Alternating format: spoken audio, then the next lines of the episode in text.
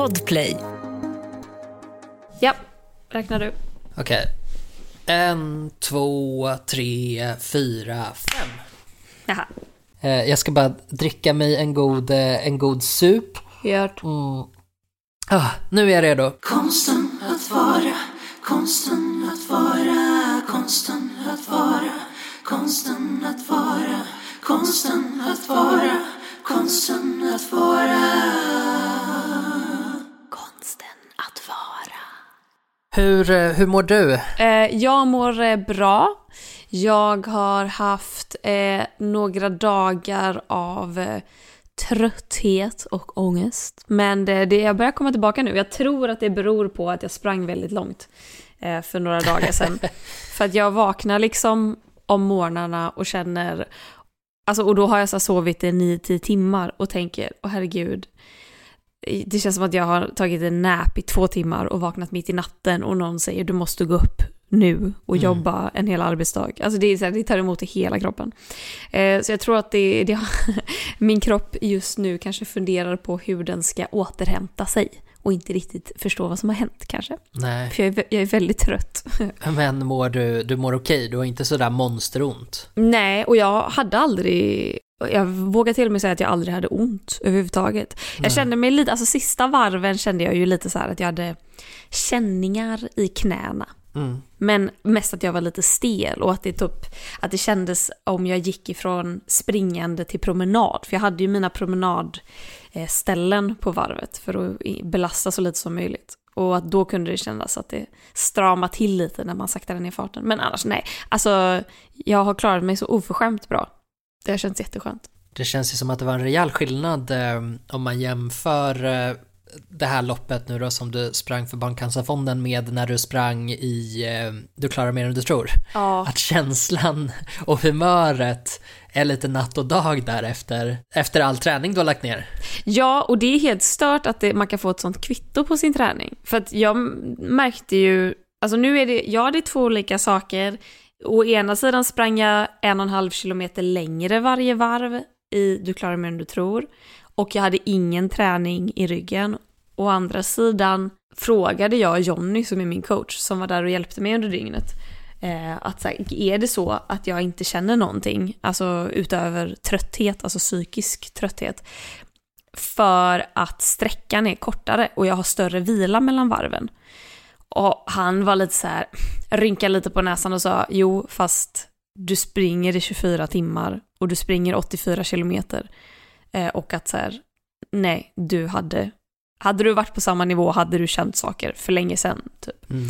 Så, att, eh, så det, var, det var ganska coolt tyckte jag. Att man kunde bara traska på. Och det värsta var liksom tröttheten typ. Ja, och sen så tänker jag att oavsett hur kroppen kändes så måste det mentala efteråt dels att ha tagit sig igenom det här loppet men sen också få ihop den här gigantiska summan som du lyckades få ihop till Barncancerfonden är ju helt sjukt. Ja, vad blev det? 700, jag har inte kollat på ett tag nu, men eh, eh, 780 vill jag säga, jag tror inte att jag, jag, tror inte att jag överdriver då. Nej, ja, Jag kan något kolla sånt, lite snabbt. något sånt var det eh, den helgen i alla fall, 780 000. Men det är helt stört. Alltså jag är så tacksam för alla som har bidragit eh, till den insamlingen. Det är det, är snart. helt... Det är snart 800 000. Åh, sa- 796 380 kronor är det i, herre... i dagsläget. Ja, det är fan helt sanslöst. Jag blir helt... Ja, jag vet inte vad jag ska göra. Men det sjuka är ju när man går i mål efter en sån grej och man har inga känslor kvar i kroppen. Man, man tror ju typ innan att så här, jag kommer gråta, jag kommer vara så lättad, jag kommer vara så lycklig. Nej, nej, nej, nej, nej. Du känner ingenting. Det är tomhet. Du vill bara hem och sova. Men åkte du direkt hem och sov? Ja, eller nej. För jag var ju tvungen att sitta på där vi var, Villa Källhagen, och vänta i typ en halvtimme, 45 minuter på att min lillebror skulle spela färdigt sin World of Warcraft-omgång innan han kunde Nej. hoppa in i bilen och följa med oss hem till mig där han skulle sova. Så att... Eh, fan vad roligt. ja. Det var en väldigt så här, lillebror-move. Att, att alla bara stanna upp. Han måste bli färdig. Man Ja. bara, what about me? Men det var faktiskt också jag som propsade för att min mamma var ju den som bara, men jag åker med och sover. Och jag var bara, är du, är du god? Du är, eh, jag vet inte hur gammal hon är, du är 50 plus och har ont i din kropp. ska inte du sova i en hotellrumssäng istället för att ligga på en luftmadrass på mitt golv? Mm. Eh, För, för hon vägrade, när jag sa ta sängen så tar jag luftmadrassen så sa hon nej galning, du har sprungit jättelångt. Så då sa jag okej men då, får, då tar min lillebror luftmadrassen då för han klarar av det. Men då får vi bara vänta tills han har spelat klart. Så att, eh, jag, jag tar på mig eh, ansvaret för den idén som kanske inte var så bra. Men sen följde han ju med och det var ju jättetrevligt. Ja, ganska schysst kompromiss ändå. Jo. Men hur mår du Gustav? Ja, men jag mår ju inte jättebra. Jag vet Nej. inte om det hörs att jag är lite så här täppt och lite att det sitter i halsen på mig. Eh, Jag hör inte, men det kanske, Nej, det kanske hörs i inspelningen. Vi sitter ju obviously inte med varandra. nej exakt. Jag sitter ju hemma hos mig i karantän nu för att jag tror att, eh, jag tror att jag kan ha fått covid. Eh, nej men eh, jag, eh, jag står på benen och på Ipren så, så håller jag mig liksom igång men eh, jag mår ju svinkonstigt. Eh, Det är feber och eh, bara så här allmänt ont i kroppen och lite torrhostningar. Ehm, Och imorgon hoppas jag på att få hem ett eh, hemtest så jag kan se om, om det är Miss Rona som är här och hälsar på eller om det är bara en härlig vårförkylning. Mm. Ja, vad hoppas du på? Ja, ingenting. Jag, jag är ganska död inombords inför hela grejen. Jag, eh, jag vill bara att det ska gå över oavsett vad det är, men jag tror att det är covid. Jag tror det. Ehm, kanske inte är det. Men du är inte rädd för om det skulle vara corona? Alltså, jag, nej, jag är för feberdomnad för att vara rädd. Mm. Eh, nu är det mer att jag typ hoppas bara att det inte blir värre. Eh, oavsett vad det är för någonting så vill jag att det håller sig på den här nivån. För att den här nivån kan jag hantera liksom. Mm. Jag kan ändå ta mig till kylskåpet och hämta mig någonting. Eh, och då, då känns det liksom som att allt är okej. Mm. Men, eh, men korta svaret är nej, jag mår inte toppen idag. Jag är lite sjuk. Fy. Men nog om mitt eventuella coronatillstånd.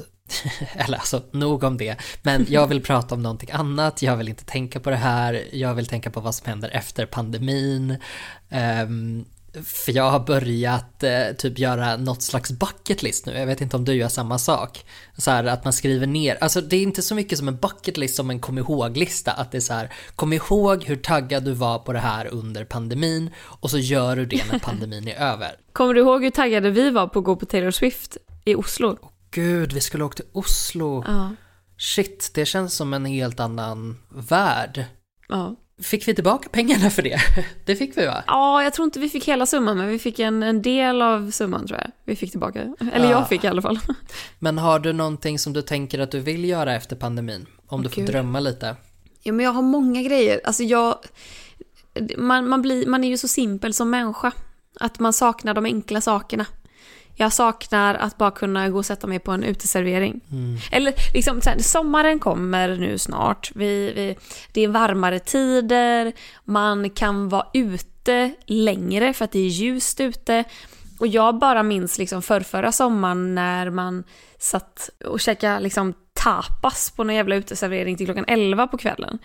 Bara en sån sak.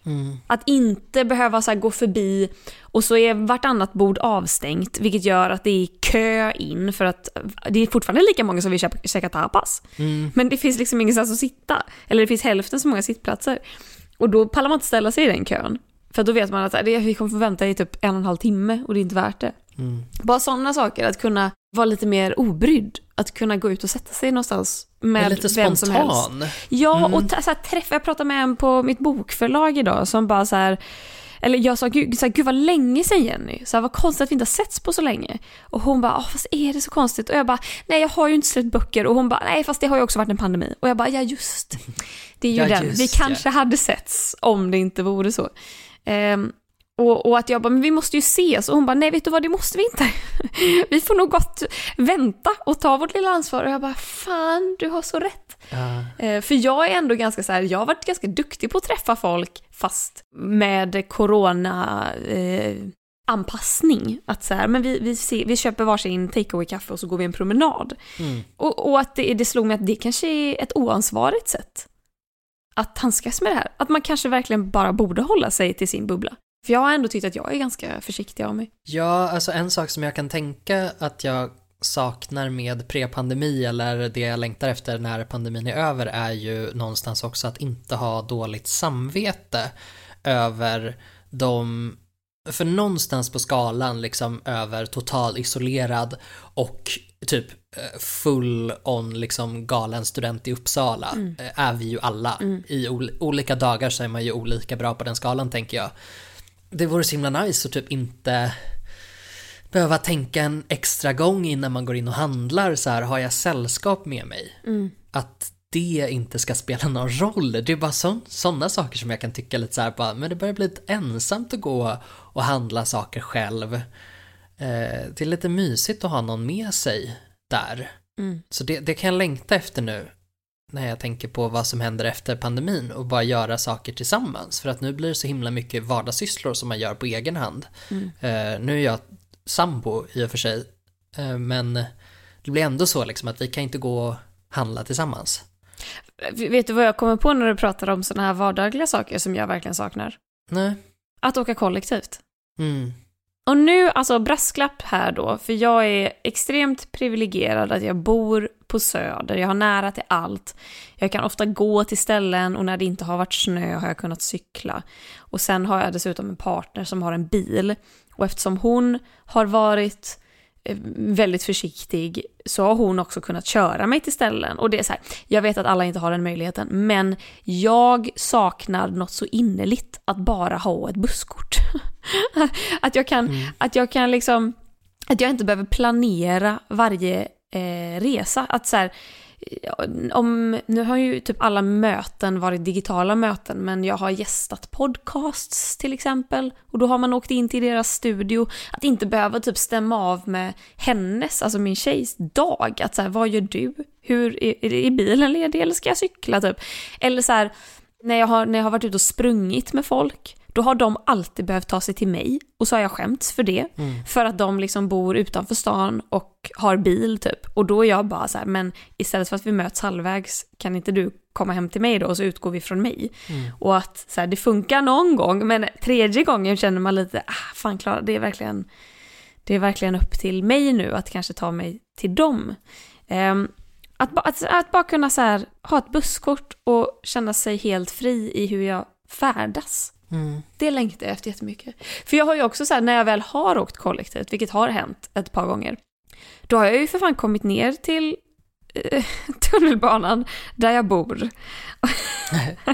och insett att jag har ju fan ingen munskydd med mig. Jag är så ovan vid det här. Ja. Att jag inte ens, alltså jag har ju inte ett invant beteende av att ta med mig munskydd.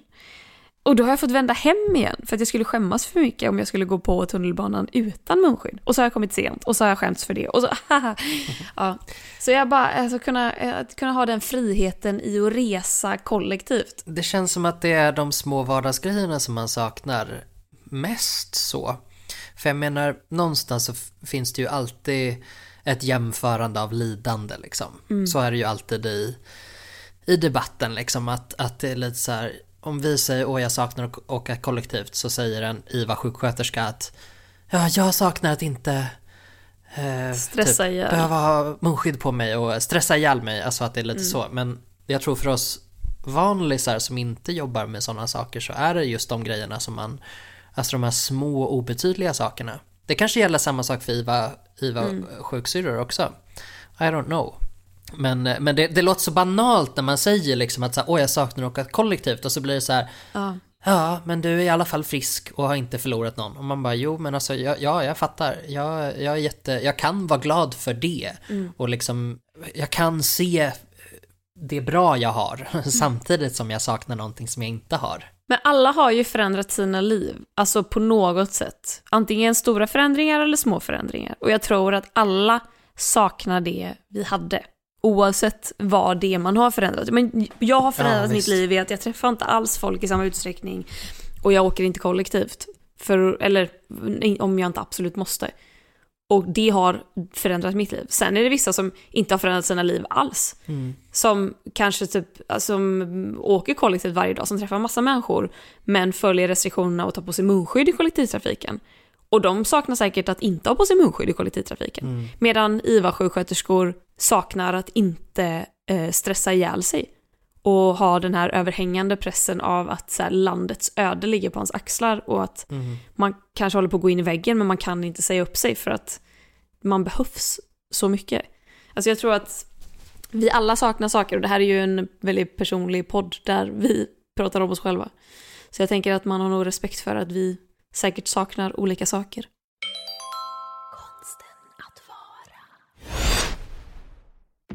Hej! Halebop här. Vill du bli först med det senaste från Google? Just nu kan du byta in vilken mobil som helst och få nya Pixel 8A med en fantastisk kamera och praktisk AI. Och 30 gig surf för 339 kronor i månaden på halebop.se. Ses där!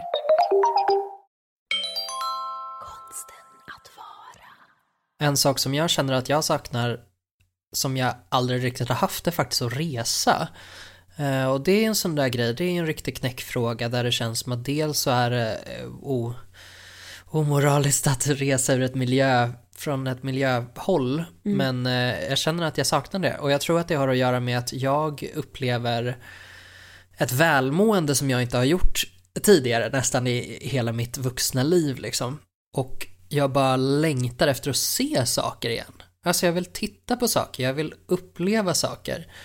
Jag vill liksom, men jag vill åka till Pompeji. Åh. Det är en sån där grej som står liksom på min lista över saker som jag vill göra när pandemin är slut. Och typ se inka, inkaleden typ. Ja, Eh, Sådana saker vill jag göra. Machu Picchu. Exakt. Att, att det har ändå så börjat formuleras väldigt konkret på något sätt. Det här eh, avsaknaden av att göra någonting överhuvudtaget känns som att det har hjälpt mig att börja känna vad jag faktiskt vill ha. Att jag så här, men gud, jag vill faktiskt ha ett sommarhus.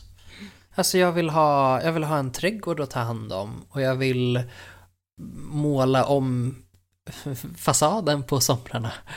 Att, ehm, att det är sådana saker som jag skulle vilja göra sen när, när pandemin är, är slut. Jag kan ju känna, inser jag ju nu när du säger allt det här, alltså om man börjar i änden att jag är ganska rastlös när det kommer till att ta tag i saker. Jag, jag, jag är inte riktigt en ältande typ. Jag kan älta väldigt hårt, men då ska jag också ha betänketid. Men om jag kommer fram till att jag vill ha ett sommarhus, då vill jag ha ett sommarhus och jag vill ha det nu.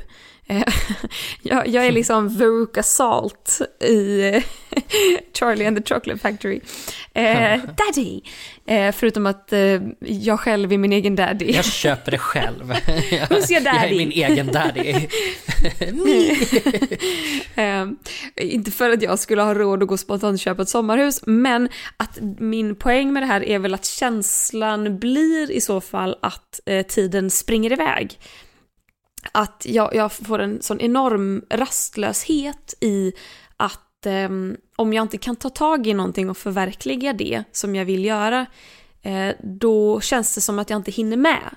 Eh, för att eh, nu kom jag på det och kan inte jag göra det nu, åh gud när ska jag någonsin ha tid att göra det? Eh, det här är en känsla som jag aldrig har satt ord på förut, så att förlåt om det här blir lite kanske svårbegripligt, men bear with me. Så att jag tror, alltså någonting som jag ändå uppskattar med att världen ser ut som den gör, om man nu får lov att säga så, det låter ju väldigt bagatelliserande, men någonting som jag inte kommer sakna är faktiskt lite känslan av att tiden står stilla. För som det är nu så känner jag att jag har all tid i världen och jag behöver inte skynda mig. Och vill jag åka på semester till Cypern och ligga på en strand så kommer den tiden. Och jag måste inte göra det nu. Jag måste inte börja planera sommaren, för vi vet inte hur sommaren ser ut. Jag kan ta det som det kommer. Alltså, que sera sera. Det som sker, det sker. Och, och jag älskar det. Det ger mig ett sånt inre lugn. Och jag vet inte om det har att göra med att eh, man är liksom introvert och lite högkänslig. Att, att man har sällan den betänketiden. Alltså det är klart man har, men det känns inte som det. Och börjar jag tänka på någonting, då tänker jag ju intensivt på det. Men i det här stadiet där jag kan tänka, men jag kan inte förverkliga. Då känns det som att jag lever i ett, någon form av limboland. Alltså ett stadie av tid där tid inte har samma betydelse som det har haft förut. Mm. Och det ger mig ro på något sätt. Förstår du vad jag menar? Ja, men det är ju någonting med hur, Eftersom kraven har förändrats så himla mycket, alltså de sociala kraven i mångt och mycket tänker jag har förändrats. Oj, nu spränger de här. Åh jäklar! Hörde du? Ja, vad springer De de? håller på att spränga, de spränger för tunnelbanan. Oh my Eh, god. Så vår, vår reaktion har gått från herregud, jordbävning till att man bara åh, igen. Knappt Åh, ens reagerar på det. Vad hög... Men klockan halv sju på kvällen? Mm, jag tror att de gör det när det är liksom kvällstid för att jag tror att det typ stör mindre då. Då är det ju bara bostad och inte business, I don't know. Gud, så de vill bara väcka alla typ femåringar som precis har gått och lagt sig? Är det det de vill? Åh, Gud, sidospår till corona, men jag har ju en granne ovanför som alltså spelar samma melodi dag ut och dag in. Jag tror att det är en bebis som har svårt att sova. eh, så de, alltså det är riktigt så här som bara liksom går på loop från klockan nio på morgonen till klockan typ 16. Åh fy fan, och du hör det? Ja, ja, ja, så jag sitter ju hemma och jobbar. Åh Ehm, gud. Men det är, ja, eller så är det en skräckfilm IRL som pågår där uppe. Nej men alltså säkert, säkert. Eh, men det är konstigt för att de, de gör det varje dag så att men de kanske tar dit nya människor och mördar varje dag, vad vet jag. Förmodligen. Eh, Det är ändå Knivsöder vi snackar om. ah, det här. Fast jag bor ju lite finare delen av Söder. Knivsöder är väl mer Hornstull? Ja, det kanske var det för, jag vet inte. Nu heter det ju Kniv och Gaffelsöder. Nej, Jo. gud vad roligt. De har rebrandat Hornstull. Nej men jag tänkte på det här med att ta dagen lite som det kommer. Alltså det vi har nu är ju alltid full rätt att säga ifrån oss någonting som vi har sagt ja till. Alltså att man så här, om du säger att ja men vi ses på tisdag så har du nu i pandemin alltid en legitim anledning att stanna hemma om du skulle behöva det. Alltså att du är nojig eller att du känner lite symptom. Och det tycker jag på något sätt är befriande. Alltså så här, det, är ju, det är ju fängslande också. Alltså man, det är ju jättetråkigt när man faktiskt vill göra någonting och ska göra någonting och så kan man inte det för att det finns liksom inget alternativ. Det är bara att stanna hemma. Men det är någonting med det som gör att man inte kan leva lika mycket i framtiden utan man måste leva i vad händer idag, vad gör vi idag? Och det tror jag är nyttigt. Det tror jag att vi mår bra av. Och har det så. Sen så är väl kanske knäckfrågan för framtiden att fundera på har vi saker även när det inte är pandemi som anledningar som är legitima oavsett? Alltså det här med att det känns som att både du och jag kanske egentligen har haft ett, ja, åtminstone för mig, att eh, jag har haft ett liksom för rikt socialt liv. Att jag har haft så mycket saker inplanerade under så lång tid så att jag liksom och aldrig har känt att det är legitimt för mig att eh, få vila. Nu blir liksom vilan påtvingad, jag kan inte göra någonting åt det för att man kan liksom inte träffa folk förutom eh, typ utomhus. Ehm, så då blir det liksom mycket mer påtvingad återhämtning däremellan.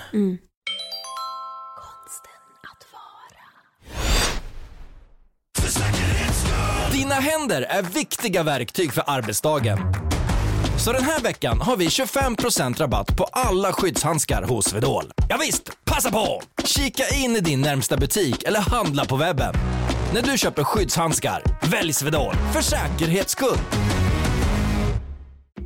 Hej! Halebop här. Vill du bli först med det senaste från Google? Just nu kan du byta in vilken mobil som helst och få nya Pixel 8A med en fantastisk kamera och praktisk AI. Och 30 gig surf för 339 kronor i månaden på halebop.se. Ses där!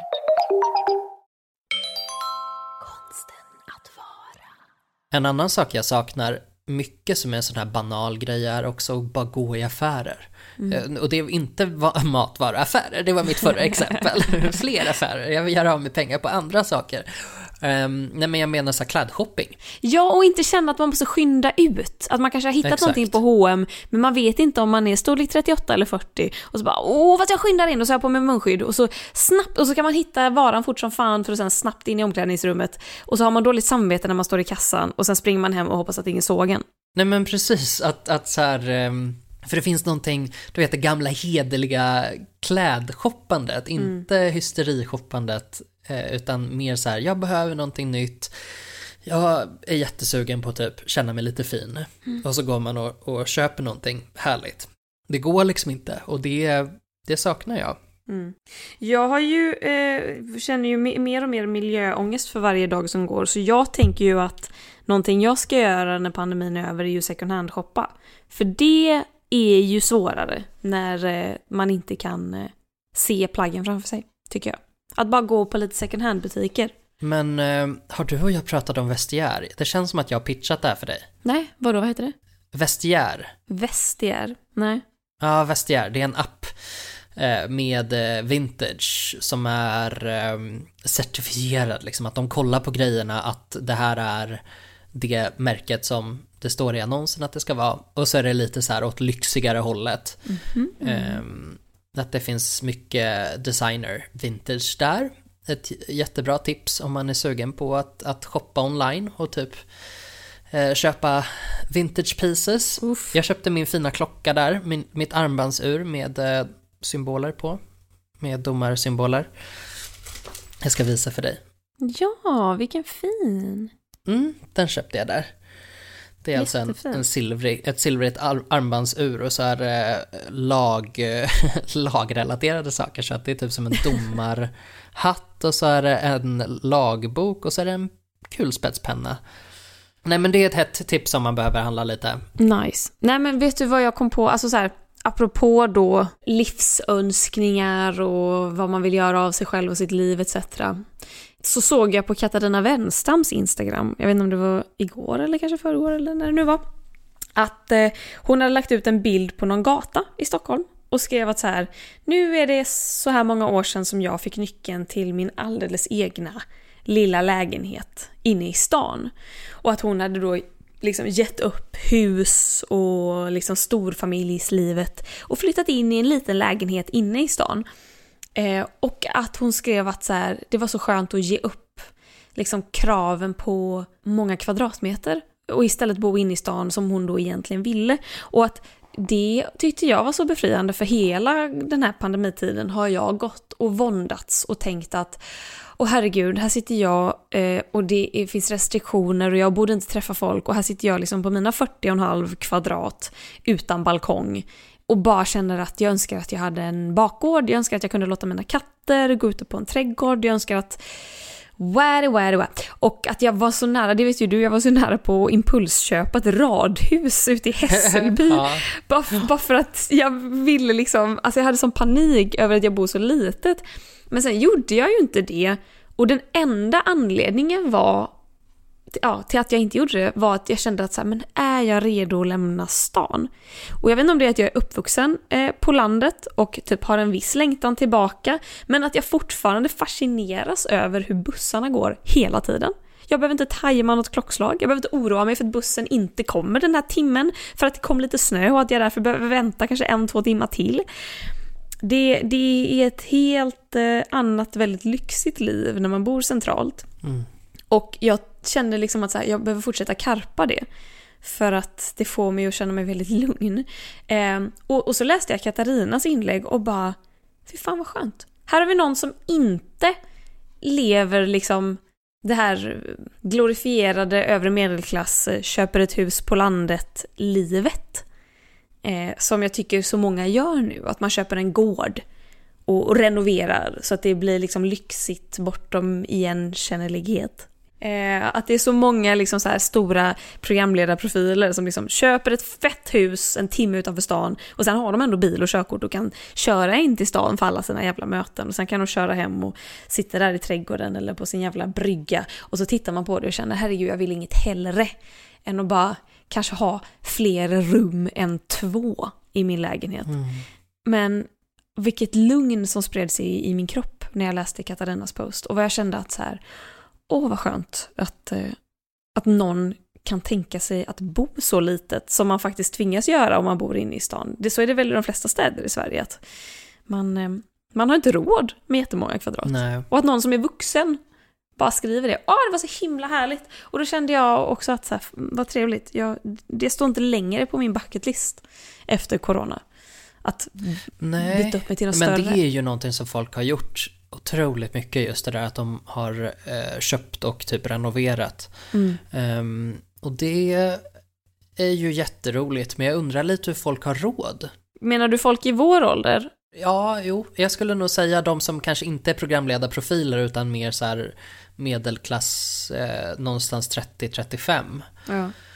Eh, som sitter på lägenheter som är värda många, många, många miljoner. Eh, att jag blir lite så här, eh, någonting som kan hända efter pandemin när liksom folk har slutat hetsköpa lägenheter är ju att det blir liksom en, en ekonomisk kris som blir kännbar även för oss som sitter på mediajobb och som kanske inte har blivit av med jobbet liksom. Att typ lägenhetsbubblan spricker. Ehm, Bara för att dra lite domedagsfeeling över det här, allas renoveringsprojekt liksom. Men jag kan, jag kan, det är en sån grej som kan få mig att lugna mig lite grann när jag säger jag ska ha sommarhus! Och man bara, ja men nu har alla köpt sommarhus. Alltså så här, nu är det nu kostar det fett mycket att göra såna grejer. Alltså jag har två tankar om det här. Det ena är att oavsett vilken stad man bor i så är det alltid attraktivt att bo inne i stan. Och kanske framförallt Stockholm, Göteborg, Malmö. Jag tror inte att priserna på lägenheter inne i stan kommer droppa så mycket. För att det kommer alltid finnas folk som vill bo centralt i städer. Men sen, min andra tanke är ju också alltså min eh, ränta på mitt bolån. Jag har tre lån. Jag vet inte varför, men de har delat upp det i tre. Fastän det ju är ett lån från början. Men jag ville ju binda räntan. Men det tyckte varken min mamma eller min bank att jag skulle göra. Och då lyssnar jag ju på min mamma och min bank. Så jag har ju två rörliga och en bunden. Tacka gud att jag band en av dem, för under corona så har ju min ränta, alltså enbart min ränta, fördubblats. Oj, ja. Så jag betalar dubbelt så mycket i amortering och ränta ja. mot vad jag gjorde innan corona. Och det tycker jag är stressigt. Ja men det är klart att det är. Att det känns som att det blir dyrare, men min lägenhet har inte gått upp speciellt mycket i värde. Nej men och det är det jag också tänker. Det var, det var lite oklart men alltså det jag menar med att folk har råd. Ja de har ju råd att ta sina lån nu. Men risken är att de sen då antingen liksom lägenhetspriserna eh, sjunker och så kanske de vill sälja för att liksom få, få tillbaka pengarna och så får de inte tillbaka pengarna. Eh, eller räntan går upp så att de inte har, alltså att det blir så här räntan går upp och då har de inte möjlighet att ha kvar lägenheten. Eh, så då får de sälja lägenheten till ett lägre pris och tappa liksom hundratals tusen kronor. Ja, det, det är läskigt. Välkommen till Ekonomipodden. Ja, exakt. Det var riktigt starka åskådningar där. Moment of the week då? Har du något sånt? Oh my god Gustav, jag har flera, jag vet inte vilket jag ska ta. Jag har så många. Eh, det har hänt så mycket bra grejer den här veckan. Bland annat då att jag klarade av att springa 84 km på 24 timmar och drog in nästan eh, tre kvarts miljon till, det är, det är en dryg tre kvarts Ja, miljon väl- till Barncancerfonden. Eh, det, det andra är att mina katter är hemma igen. Just ja. ja Bob och. Helga som har bott i Landvetter sen i julas för att jag eh, dels trodde att jag skulle åka iväg över Atlanten men också jobbade uppe i Boden. Eh, nu är de hemma och jag har haft ett sånt mys att det liksom inte är klokt. Eh, och det som nu kommer bli mitt moment of the week är att nu kanske man ska enligt god sed typ annonsmärka det här på något sätt. Det är ju ingenting som jag har fått betalt för men jag har fått ett pressutskick. Så kan vi ju säga. Då tänker jag att det är annonsmärkning nog. Det var ett företag som hörde av sig till mig efter att jag hade sprungit och bara grattis till att du klarade det, nu är det dags att du återhämtar dig på bästa sätt. Vill du ha en sån massagepistol av oss? Skicka din adress. Och jag var bara, oh lord, det vill jag hemskt gärna. Så då skickade de hem en till mig. Eh, och jag vet inte om det här är, är liksom om den är bra eller dålig jämfört med andra på marknaden. Eh, den heter Flowgun. Jag vet inte, som, alltså så här, jag har ingenting att säga om den. Varken bu eller bä, vi säger så. Men den testade jag på mina vader och jag har aldrig känt sån smärta i mitt liv. Det var som att all min lagrade typ stress och eh, joggpress och allt sånt har typ samlats i mina vader. Äh, Det var, det var fruktansvärt. Och, och då testade jag ändå den på många delar av kroppen. Lite så på armarna och låren och att det bara, mm, ja men det är ju skönt men jag vet inte om jag känner något speciellt så. Och sen så kom jag ner till vaderna och kunde knappt, alltså jag kunde knappt nudda huden på vaderna utan att det gjorde så ont. Och jag visste inte om att jag hade ont i mina vader överhuvudtaget. För jag testade den här. Så jag tror att någonting har den väl gjort och att så här, jag har haft så himla ont under min vänsterfot på ett specifikt ställe i liksom fotvalvet där jag brukar få ont när jag springer långt.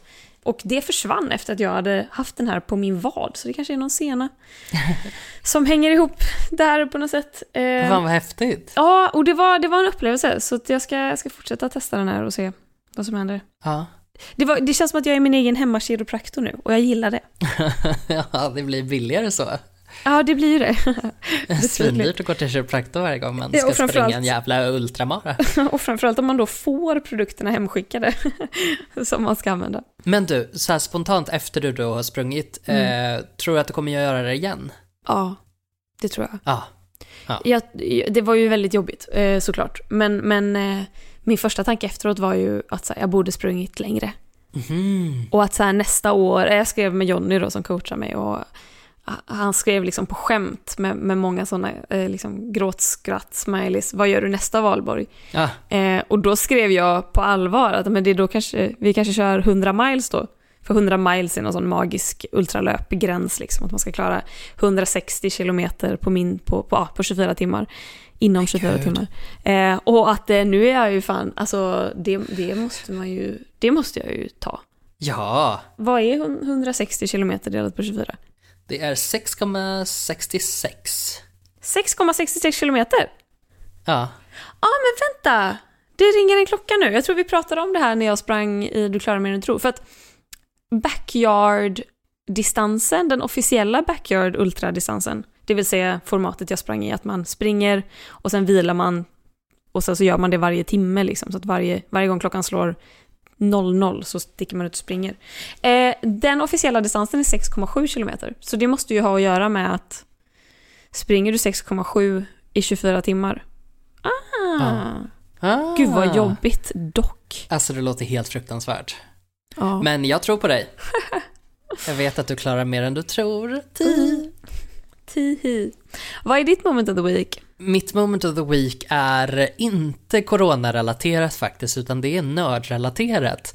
Det är så att jag har fått en ny leksak ehm, i Photoshop som är en samling verktyg som jag har blivit helt besatt av att använda. Ehm, jag hade en sån här riktigt härlig dag Eh, Ja men häromdagen, innan jag blev sjuk då, så um, ringde jag upp några kollegor och så liksom satt vi och typ webbpratade lite grann och tittade på lite bilder och så var jag så här, ja men jag tänkte att jag skulle göra så här och så här med dem.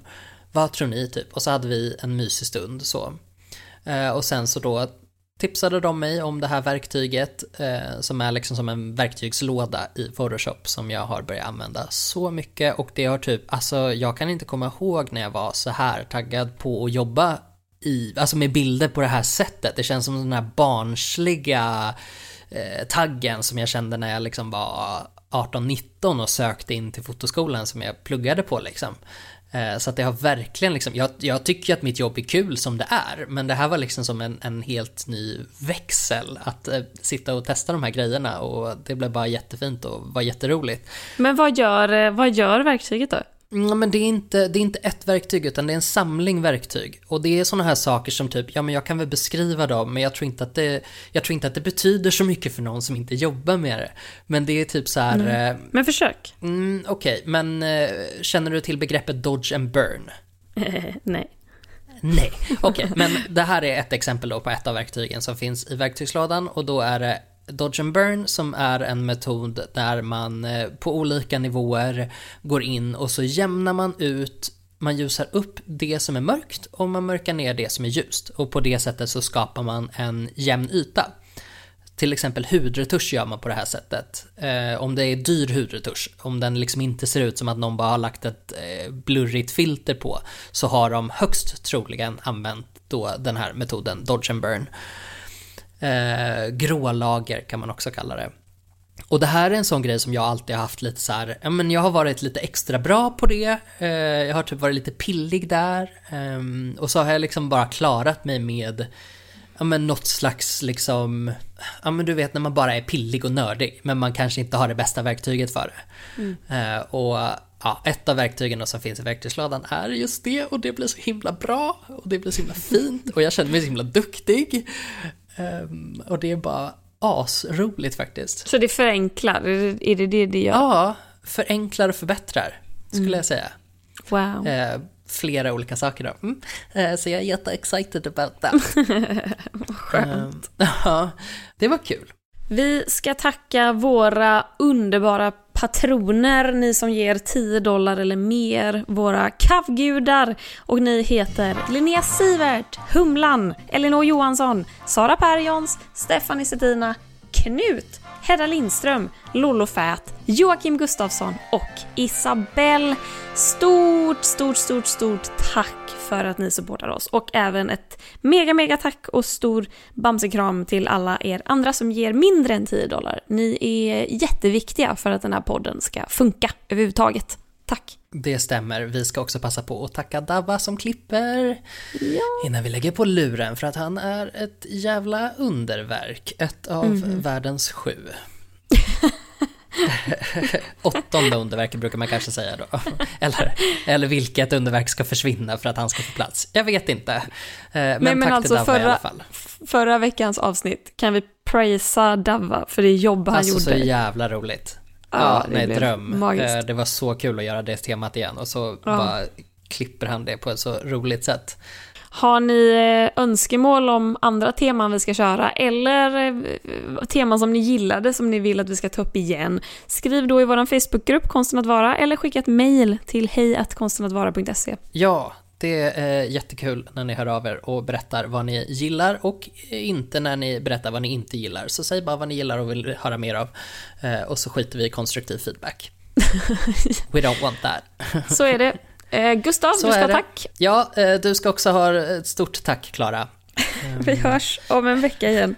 Det gör vi. Ha det så bra, puss hej. Adjö. Konsten att vara, konsten att vara, konsten att vara, konsten att vara, konsten att vara, konsten att vara. Konsten att vara. Dina händer är viktiga verktyg för arbetsdagen. Så den här veckan har vi 25% rabatt på alla skyddshandskar hos Swedol. Ja visst, passa på! Kika in i din närmsta butik eller handla på webben. När du köper skyddshandskar, välj Svedol för säkerhets skull.